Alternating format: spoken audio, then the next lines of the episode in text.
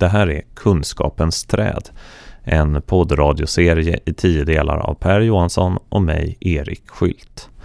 Det är också en fristående fortsättning på Människan och maskinen som producerades för Sveriges Radio år 2013. I det här avsnittet har vi nu lämnat det lugna biblioteket i Hör för att eh, istället ta plats i tornerummet på Fysikum i Lund en plats med utsikt över stan och universitetsområdet där man förut utförde en rad olika experiment. Bland annat har luftföroreningar här mätts med hjälp av laser. Vi ska idag titta närmare på ett märkligt samband mellan vetenskaplig och samhällelig utveckling. Det visar sig nämligen att det finns en ganska så okänd koppling mellan det vardagliga arbetet på ett patentverk i staden Bern och uppkomsten av en ny kosmologi. Dagens avsnitt har rubriken Einstein. 1867 drog man en telegrafkabel från Greenwich i England till Cambridge i Massachusetts i USA. Och plötsligt kunde man alltså kommunicera simultant med varann tvärs över Atlanten. Tid och rum kollapsade. Fortfarande var det så att skulle man åka från det ena stället till det andra så tog det över en vecka. Men nu kunde man prata via morsekod visserligen då. Men... Ja, tidigare har man ju varit tvungen att skicka ett brev alltså. Ja, och det tog ju lång tid. Ja, och det ja. åkte med båt. Ja, så tid och rum kollapsade kan man säga. Nu i England och nu i Amerika blev samma nu. Och förutom den här möjligheten att kommunicera så blev den viktigaste konsekvensen av telegraflinjerna att de kom att fungera, kan man säga, som världens första rätt precisa GPS-system. Mellan 1870 och 1900 så utbröt rena kabelläggningsfebern. Man la kablar kors och tvärs över hela världen där man kom, kunde komma åt. Det här skedde alltså samtidigt i slutet på 1800-talet som de europeiska kolonialmakterna expanderade sina territorier. Och det blev nu av avgörande ekonomisk betydelse att veta exakt var någon råvarufyndighet sig låg någonstans. Låg den på portugisiskt, belgiskt eller brittiskt erövrat territorium? Vem skulle få pengarna från kopparfyndigheten eller vad det nu var för någonting? Och här kom alltså telegrafen in i bilden. Och det har att göra med hur man fastställer longitud. Alltså längdgrader.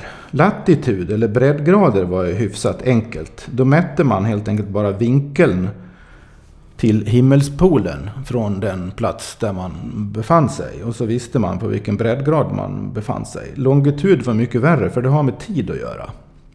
Och det innebär att ska man göra en exakt longitudbestämning så måste man ha en exakt tidsbestämning. Så latitud, det har man vetat sedan vikingatiden eller något sånt där? Ja, det kan man ju, latitud kan man ju faktiskt uppskatta med blotta ögat. Inte särskilt exakt, men dock. Mm. Och det är att man tittar på Polstjärnan eller något sånt? Ja, det, just nu är det vi kallar Polstjärnan himmelspolen. Alltså den punkt på himlen som, som stjärnorna ser ut att kretsa kring under dygnets lopp. Och det var alltså latit, latituden? Just det. Den var lätt. Men longituden? Ja, där, där måste man, för att fastställa exakt longitud, så måste du ha en exakt tidsangivelse. Mm. Eftersom det har med solens gång att göra. Mm från öster till väster. Mm. Och vad har telegrafen med det här att göra? Ja, det är det som är, är det intressanta. Med telegrafens hjälp nu då, så blev det plötsligt lätt att få en exakt longitudbestämmelse. Man kunde helt enkelt fråga vad klockan var på ett ställe.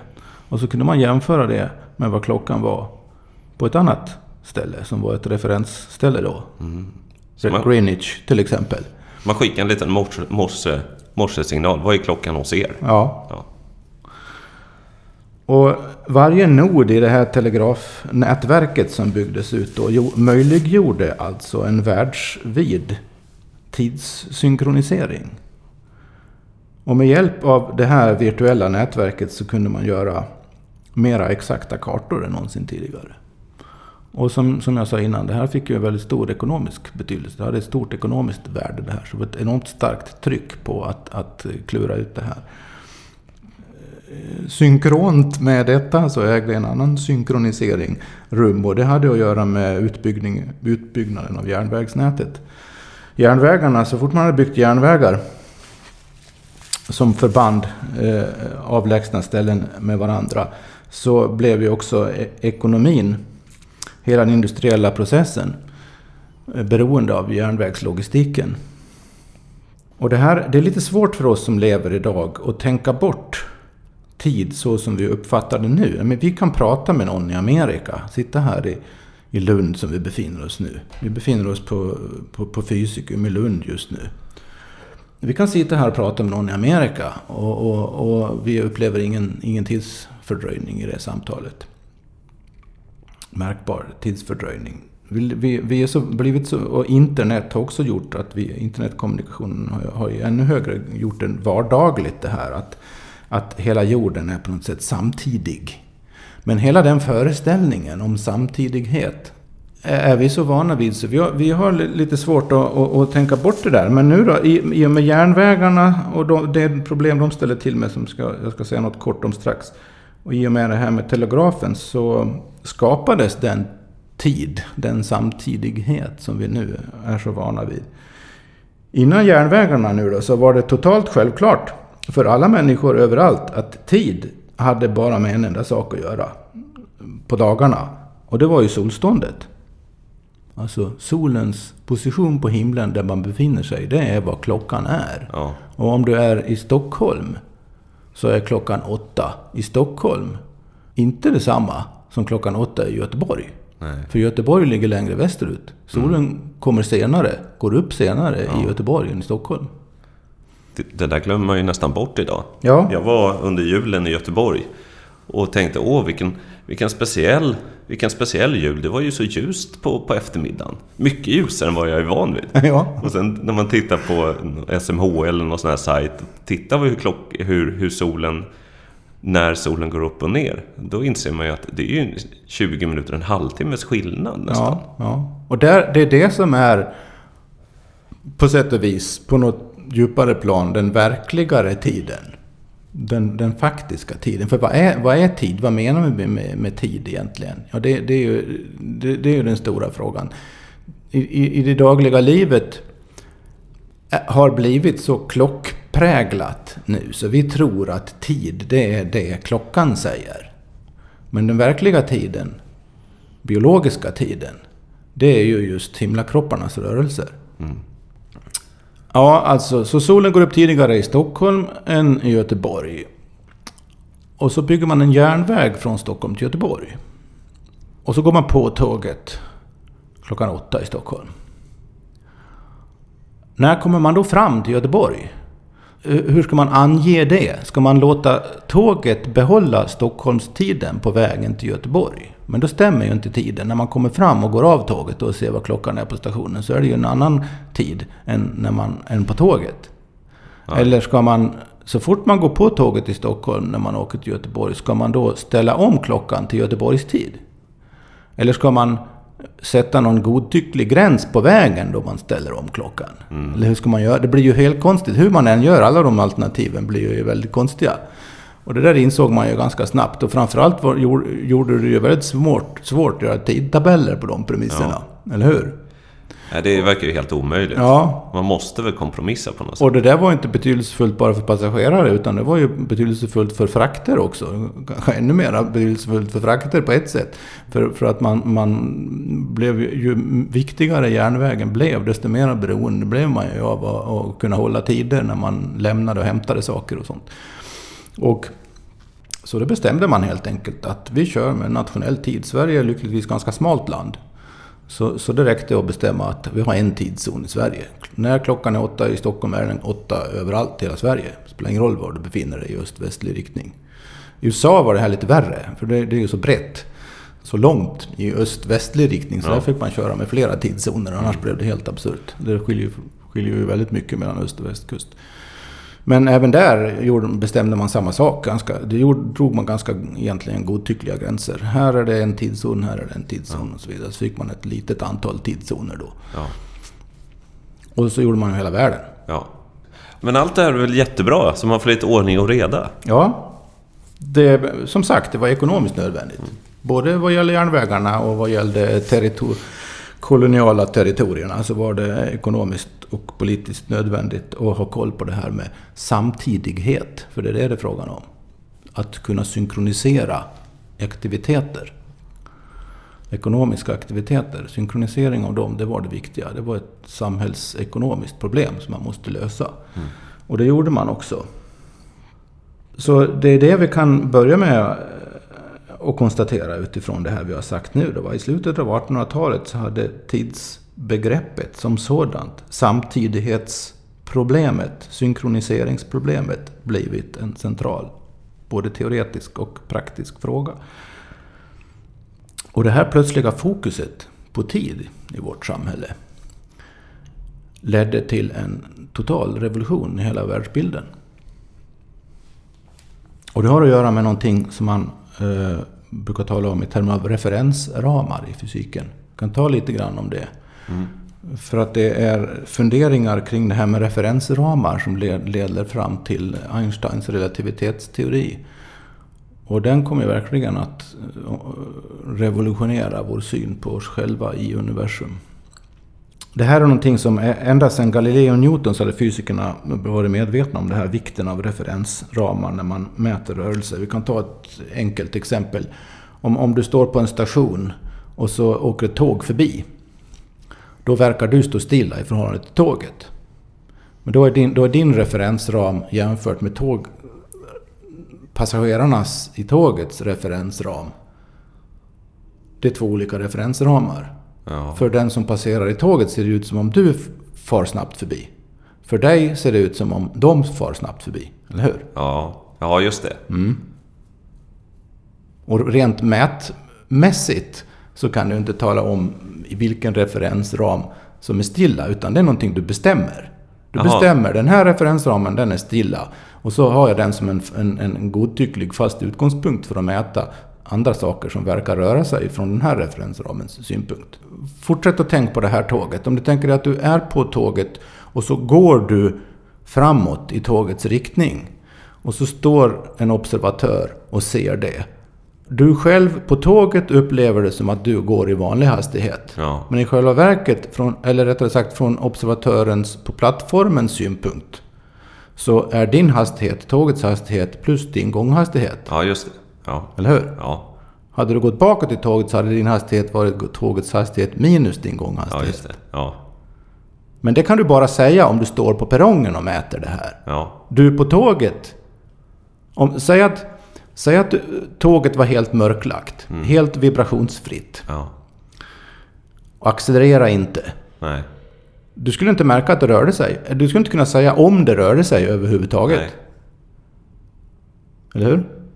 Det är bara om det bromsade in eller om det accelererade så skulle du märka att du tidigare att du faktiskt var i rörelse. Ja, precis. Det är som en rymd... Christer Fuglesang på rymdstationen runt jorden. De svävar ju omkring liksom. I vakuum där. Och det, det verkar rätt härligt. Men de forsar ju samtidigt fram i ett 30 000 km i timmen eller något sånt. Ja, det gör ju vi också hela tiden. Ja, just det. Just alltså, det, det tänk, det är en, vilket tivoli vi bor på egentligen. Ja, Å ena ja. sidan så, så... Nu har jag inte siffrorna i huvudet tyvärr, men jorden snurrar väldigt snabbt runt sin egen axel. Mm. I förhållande till de hastigheter vi är vana vid, att köra bil och sånt. Det går mycket fortare runt sin egen axel. Ja, Och inte nog med det, den, den, den virvlar fram kan man, eller snurrar fram som en snurra runt solen i en svindlande hastighet. Ja. I förhållande till solen. Och där har du det där med referensram igen. Vad, vad, vad, man måste vara klar över vad man mäter i förhållande till. Ja just det. Så att om du hade För en... vi upplever ju inte den hastigheten. Lika, väl, lika lite som vi upplever att vi, vi går i 200 plus 5 km i timmen när vi går framåt Ja. i tåg. Lika lite upplever vi ju nu att vi forsar fram i, i jag vet inte hur många tusen kilometer i timmen. Nej, precis. För att det, då kan man göra den liknelsen ännu mer extrem och säga att det fanns en fast punkt i solsystemet där jag står. Och sen så kommer jordklotet forsande, swishande förbi. I Ja. en enorm hastighet. Ja, Jag skulle, skulle känna, hjälp, tänk att vara på det där klotet. ja. alltså det, ja så, så det, det, där har du det där med, med referensramar då. ja, Så hastig, hastighet är, är beroende på vilken referensram du har när du mäter. Ja, men som vi såg i det här eh, exemplet med tåget så eh, referensramstänkandet innebär att du adderar eller subtraherar hastigheter från varann. Din, din gånghastighet framåt i tåget, det är tågets hastighet plus din gånghastighet. Och omvänt, om du går bakåt i tåget så är det minus din gånghastighet. Och det, det, det här borde ju gälla vilken referensram du än har så borde du få samma effekt om du mäter ljusets hastighet. Det borde alltså gå att visa sig där. Men, men det gjorde det inte. Och, och därför, det är här Einstein kommer in i bilden då för att göra en, en lång historia extremt kort nu då. Hans upptäckt eller insikt, det var att ljusets hastighet var, var speciell. För den var konstant. Spelar ingen roll hur du rörde dig själv i förhållande till ljuset. Ljuset gick lika fort i alla fall. aha. Det är någonting helt annorlunda Ja. än allt annat vanligt. Spelar ingen roll vilken referensram eh, eller hur du själv rör dig förhållande till ljuset. Ljuset har samma hastighet. Och det, eh, jag läste någon bok häromdagen så hade man ett bra exempel på, på, på vad, det här skulle, vad det här innebär. En liknelse kan man säga. Ta det här med tåget igen. Och så har du två posttjänstemän som håller på att lasta om en postvagn. Och så kastar den ena en postsäck till den andra. Och då får du ju samma sak som det här med gångexemplet. Va? Postsäckens hastighet när den kastas från den ena, ena postmannen till den andra. Det blir, det blir tåg, om säger att den kastar den framåt. Det blir tågets hastighet plus postsäckens hastighet. Ja. Men för den po- posttjänsteman som tar emot säcken som kommer farande genom luften mot honom. Ja, Så går den ju inte så fort. nej. Va? Nej, då är det ingen skillnad. Det blir ju normal postsäckskasthastighet. ja, Liksom. Nej, han får ju inte en postsäck i 180 km i men timmen så att han dunkar in i väggen. Nej, men om du tänker dig att han kastar postsäcken av tåget till dig som står på perrongen. Ja, då kan man... Då vill du inte gärna ta Nej, emot den nej, postsäcken, nej, eller hur? Nej, Nej, det förstår jag- man rent intuitivt Ja. att det är bäst att Ja. hålla sig Ja. undan. Men så är det då inte med ljuset. Om postsäcken är ljuset Ja, så spelar det ingen roll om du kastar den på tåget eller kastar den av tåget. Det går lika fort i alla fall. Så det är som om, säg att postsäckshastigheten är ljusets hastighet. Ka- Du kastar en postsäck till din kollega i andra änden av vagnen, och han kan ta emot den utan vidare. Och så kastar du samma säck, eller en annan säck, till någon som står på perrongen som du passerar i hög hastighet. ja, Kan också utan vidare ta emot den. ja. Det ändras ingenting. Postsäckshastigheten är konstant. Precis så är det med ljuset. Det är ju väldigt skumt. Ja, det stämmer liksom inte Nej. med någonting som man är van vid överhuvudtaget. Och det här började man fatta. Ja, det här var ju Einsteins insikt. Han bestämde helt enkelt att ljushastigheten är konstant och tog det som utgångspunkt för alla, för all, för alla, alla andra resonemang om hastigheter. Det var det som var hans genidrag kan man säga när det är teoretiskt här. Och en annan slutsats av det här nu då, förutom att, eh, konstant, att hastigheten är konstant, det är att det finns, det kan inte finnas någon privilegierad referensram överhuvudtaget i universum. Vad betyder det? Det betyder att i förhållande till tidigare Newtonska fysiken. Newton räknar med en absolut tid och ett absolut rum. Tiden, det fanns en sorts absolut tid som rörde sig med uniformt eh, från en sekund till en annan. Och i hela universum. Och, det fann, och uni- universum i sig var ett absolut rum där allt som hände utspelade sig. Det motsvarar kan man säga vår vardagliga intuitiva rumsuppfattning. Rummet, rymden, alltså rummet i abstrakt bemärkelse, är någonting där saker befinner sig. Och dessa saker rör sig i förhållande till varandra. Ja. Och där får du det här med referensramar och alltihopa. Som en naturlig följd av att sak, det är saker som rör sig. Men en, följden av, av, av eh, Einsteins speciella relativitetsteori nu då, som den kommer att kallas. Det är att det finns ingen, ingen sån här eh, privilegierad referensram. Utan det finns ingen absolut tid, det finns inget absolut rum. Utan det finns något som man, kallar för ti- som man kommer att kalla för space time på engelska, eller tidrummet. Tid och rum är två sidor av samma helhet. Tiden har en rumslig aspekt och rummet har en tidslig aspekt skulle man kunna säga. Varje referensram är alltså i princip helt godtycklig. Och vad betyder det? Jo, nu börjar vi komma tillbaka till det där vi började prata om. Samtidighet, synkronisering. Det betyder att det finns inget universellt nu. Nej. Nu här på jorden är inte samma sak som nu i Andromeda-galaxen. Eller ens på solen. Jag tror det tar åtta minuter för ljuset på solen, strålningen från solen, att nå jorden. Men om man skulle göra... Så den sol vi ser, det är så som den såg ut för åtta minuter sedan. Ja, just det. Det är, och, och det är ingen samtidighet i detta. Men om, Vi, vi, hur det ser ut, solen kan ha slocknat men vi märker inte det förrän om åtta minuter. men om vi skulle dra en telegrafkabel till solen då? Vad skulle vi signalera? Hur fort går signalen? Den går i ljusets hastighet. Ja. Ja. Mm. Ja, men nu börjar, nu, nu, nu, nu börjar man ju ana någonting här. Mm. Det är någonting med ljusets... Ja, för att signalen under Atlanten, alltså telegrafsignalen, den går också med ljusets hastighet. Så att det är inte en samtidighet. Och det är en sån kort sträcka astronomiskt sett. ingen Så tänker man, på det. Det är försumbar. När det gäller att fastställa latituden för en kopparfyndighet så spelar det ingen roll. Nej, för- Men faktum är att det tar faktiskt en viss tid det också. Ja, Och för vissa processer idag och mätningar idag Mm. är, den lilla tiden också betydelsefull. Så att det man, även om jag inte förstår allting nu, så, så kan man ju konstatera att det finns någon typ av koppling mellan tid och ljushastighet. Det, det, är- egentligen är det mera relevant att säga att det finns en koppling mellan rum och ljushastighet. Ja, För hur mäter du avståndet till avlägsna himlakroppar? Ja det är ljusår. Ja, Ja. Så det har en, en sträcka som mäts i en tidterm. Så en slutsats av den speciella relativitetsteorin det var att det finns ingen privilegierad referensram. Varje referensram är i princip godtycklig i förhållande till varje annan referensram. Alltså, det finns, och det är det, det vi kan ta med oss här nu då, oavsett om, om, om varken du eller jag eller, eller, eller någon hänger med på alla detaljerna i resonemangen som ligger bakom här. Det vi kan ta med oss, det är att det finns ingen universell samtidighet. Och det här var knäcken för den Newtonska fysiken.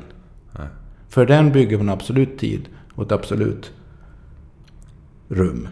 Och då skulle man göra, för att kunna göra det enkelt, skulle man kunna säga att i Newtons värld, där det ändå finns någon typ av gudom kvar, då skulle Gud kunna ha en klocka. Och den klockan skulle vara universums tid. Just.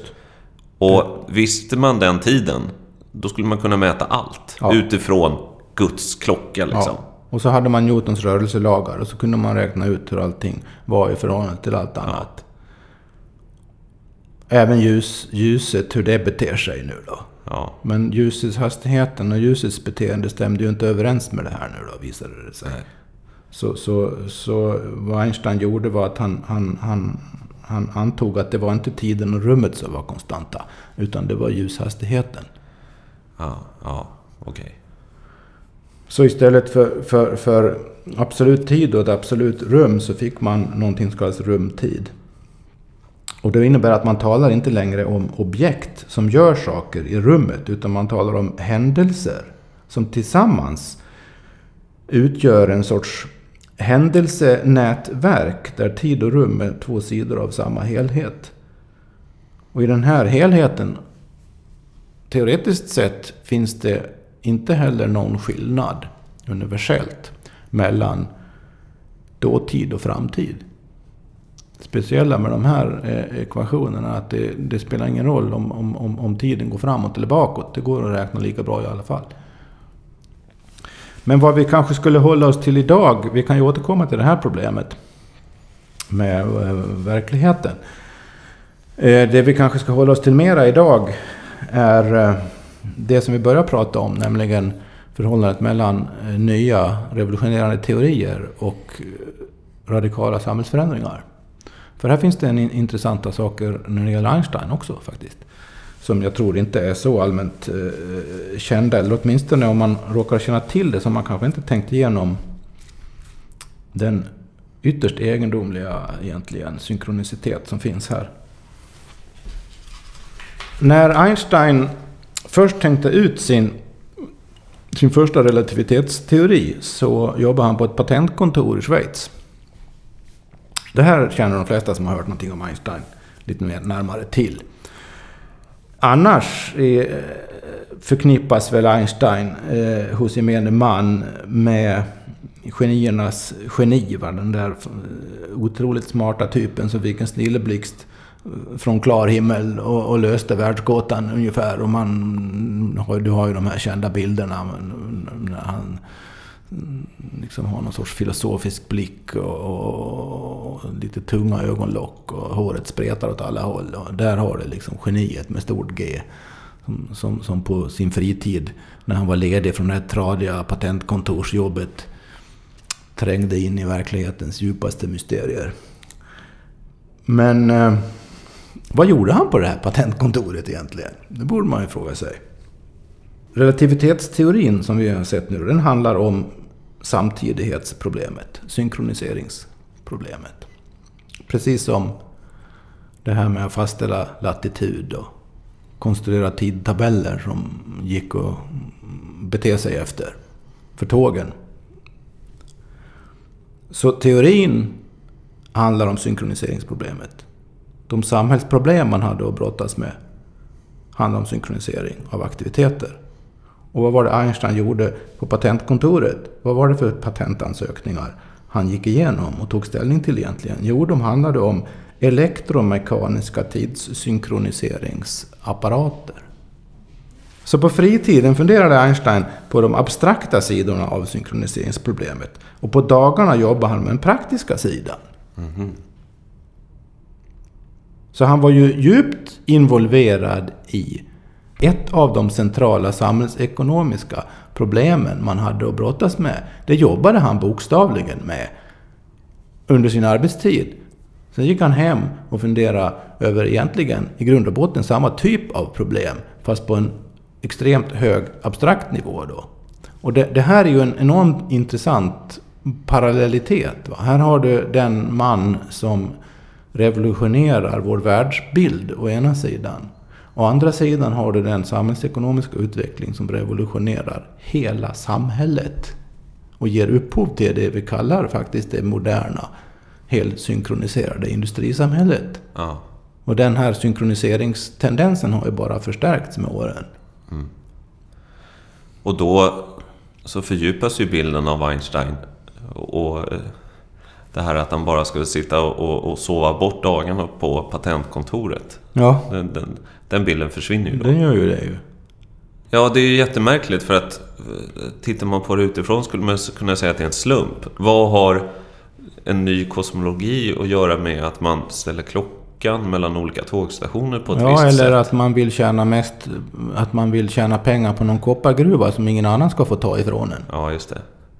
Precis, vad har det med relativitetsteorin Ja, en hel del visar det sig. Ja. ja, det är ett intressant samband. Ja, visst är det.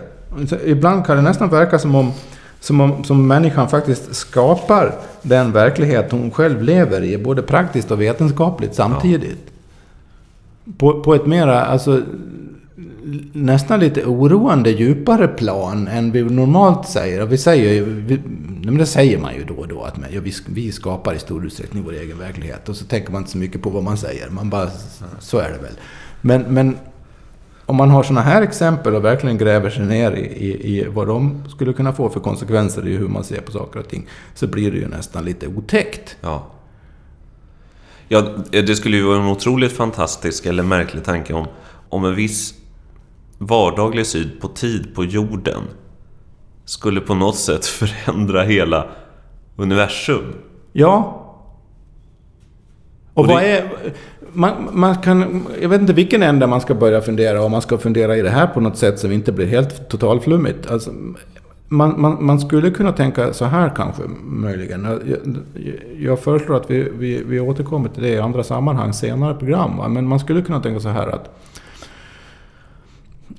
vad är vårt universum egentligen? Vi som människor här i moderna svenska samhället. Vad, vad är vårt universum? E- Rent erfarenhetsmässigt. Det, det är ju den, den, det samhälle vi lever i. Och dess, detta samhälles föreställningar om saker och ting. Ja. Det är det som är universum. Ja. Och då litar vi ju på en massa personer.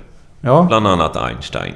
Ja, inte Einstein själv, men kanske någon högstadielärare i fysik som försöker förklara det här på ett, på ett enkelt sätt. Ingen ja och, förstår så, och, så, och så vet vi då, vi, vi lekmän, vi vet att de här människorna, ja de kan klura ut saker som innebär att det går att det går inte bara att synkronisera saker utan det går att bygga maskiner som är rena magiska verktyg.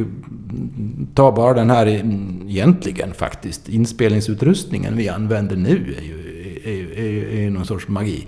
Och, och för att inte tala om mobilerna vi har i fickan. När man, när man kan åstadkomma sådana saker och så får man veta att jo men det bygger på de och de teorierna. Det förutsätter att den och den teorin stämmer. Då tror man ju såklart på de här teorierna ju. Ja. Ja, och, och, och det, det, det vore man ju lite dum om man inte gjorde då och, och trodde på dem av den anledningen. det är Det är uppenbart att det går, att de funkar på något sätt. Ja, Liksom. jo, men det är ju ganska starka bevis. Ja, Det är samma sak om någon, någon skulle komma in här och säga jag, jag kan levitera. Nej, det tror vi inte på. Jo, men kolla här. Jag mediterar lite, sen börjar jag levitera och så skulle den flyga omkring i det här rummet. ja, då skulle man ju se lite annorlunda på meditationen än man gjorde innan. Ja, ja, nej, då skulle man ju då skulle man säga att ja, nej men oh, wow, här var någonting man inte visste om. Ja, och så säger den här personen, ja men om du gör si och så i sju år liksom, dygnet runt, Ja, så kommer du- du också kunna levitera. Alltså, det gitter man ju inte då. Ja, Alltså, det blir lite, lite jobbigt att, att, att testa det. Men, men, men om vi tar, återgår till det här fysikaliska. I och med att vi har den här fantastiska tekniken så är ju den i sig ett enormt retoriskt argument för teoriernas giltighet. Absolut. Ja. Så om du då tar samma teori och frågar inte vad kan jag göra för en häftig pryl som går att sälja av det här som går att ha nytta av på alla möjliga sätt. Utan du frågar vad säger samma teori om hur själva världen är beskaffad. Ja. Då är det en helt annan sätt, ett helt annat sätt att använda teorin på. Och vi har en tendens att flytta över den tilltro vi har till teorin på grund av att den förknippas med teknik som vi vet fungerar någorlunda i alla fall. Vi har en tendens att flytta över den tron till vad samma teorier säger om världen. ja. Och frågan är om tilltron där är lika befogad. Men, bara för att göra det enkelt. Varför skulle det vara olika saker? Eftersom de bokstavliga konsekvenserna av teorin... En, ett argument är att eftersom de bokstavliga konsekvenserna av teorin blir orimliga i förhållande till all annan erfarenhet. Eh, Ett annat argument skulle vara att ja, men det är faktiskt bara en, eh, ett formelspråk. Ja. Det här formelspråket gör det möjligt för oss att manipulera vissa ma- materiella företeelser så att de beter sig så som vi vill att de ska bete sig. ja. Men man kan inte säga mer än det. Nej. Det är stopp där liksom. Det, säger, det, det, det, är in, det, det, det är för många okända faktorer runt omkring för, för att man ska kunna säga att det är en absolut för evigt giltig verklighetsbeskrivning. Handlar det inte lite om att avgöra vem som är, vad ska man säga, konstig? Människan eller teorin? Vi människor är ju ganska bristfälliga och vi förstår inte riktigt det här. Men, men på en matematisk och fysiologisk nivå så är det ändå sant. Men det är liksom på en nivå som vi människor egentligen inte kan förstå. Vi har liksom på ett teoretiskt sätt höjt oss över oss själva. Och det är därför teorierna verkar vara så märkliga. Men hade vi varit en högre stående varelse eller en dator eller någonting sånt, då hade vi förstått det här. Då hade det varit helt logiskt. Ja, men jag, jag har någon sorts gnagande misstanke om det, att det där är eh, en, un, en sorts undanflykt. Alltså, eh, undanflykt är fel ord, men någon sorts... Något man säger för att slippa tänka på hur konstigt det egentligen är. För det konstiga är kanske inte hur konstig världen blir enligt teorierna, utan det konstiga är faktiskt att världen överhuvudtaget går att begripa. Och, och, och, att den tycks bli... Att vår beg, vårt begripande av världen tycks ske parallellt med vår om, omskapande, vårt omskapande av världen. De tar det här med exemplet vi har haft här idag nu då med synkroniseringsproblematiken. Som var en ekonomisk, politisk problematik å ena sidan. Praktisk problematik. Teknisk problematik. Teoretiskt var det också en problematik det här med referensramar och ljusets hastighet och en del eh, andra saker som jag inte har nämnt. Var det också, eh, och, och, och de, de här sakerna lös, utvecklas, uppstår i medvetandet Både i tanken och i världen samtidigt. Ja. De löses ungefär samtidigt. Ja.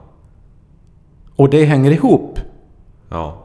Så uppfattningen om världen och den faktiska världen vi lever i, samhället, ja. omstöps samtidigt på samma premisser egentligen. Men om man ska hårdra det här, det är att om... Betyder det att vi som människor på något sätt kan... Eh, alltså det är den här urgamla frågan. Upptäcker vi världen eller uppfinner vi den? Ja, precis. Det skulle vara väldigt konstigt att säga att vi bokstavligen uppfinner världen i, i, den meningen att vi, vi mm, hittar på något. Och, ja, men nu är vi trötta på att det är så här. Nu hittar vi på något annat och så blir världen så. Så är det ju uppenbarligen inte. Men, men samtidigt, hur kan, hur, hur kan det vara så att samhällsförändringar och teoretiska världsbildsförändringar går hand i hand? Mm. För det, det, det är så uppenbart när man studerar samhällshistoria, ekonomisk historia parallellt med vetenskapshistoria. Hur det faktiskt går, följer, följs åt. Du har hört det tredje avsnittet i poddradioserien Kunskapens träd. Ett program av Per Johansson och mig, Erik Skylt. Dagens avsnitt hade rubriken Einstein. Vill ni komma i kontakt med oss så hittar ni all information på vår hemsida kunskapensträd.se. Kunskapens träd är ett ideellt projekt som drivs av Per Johansson och mig, Erik Skylt.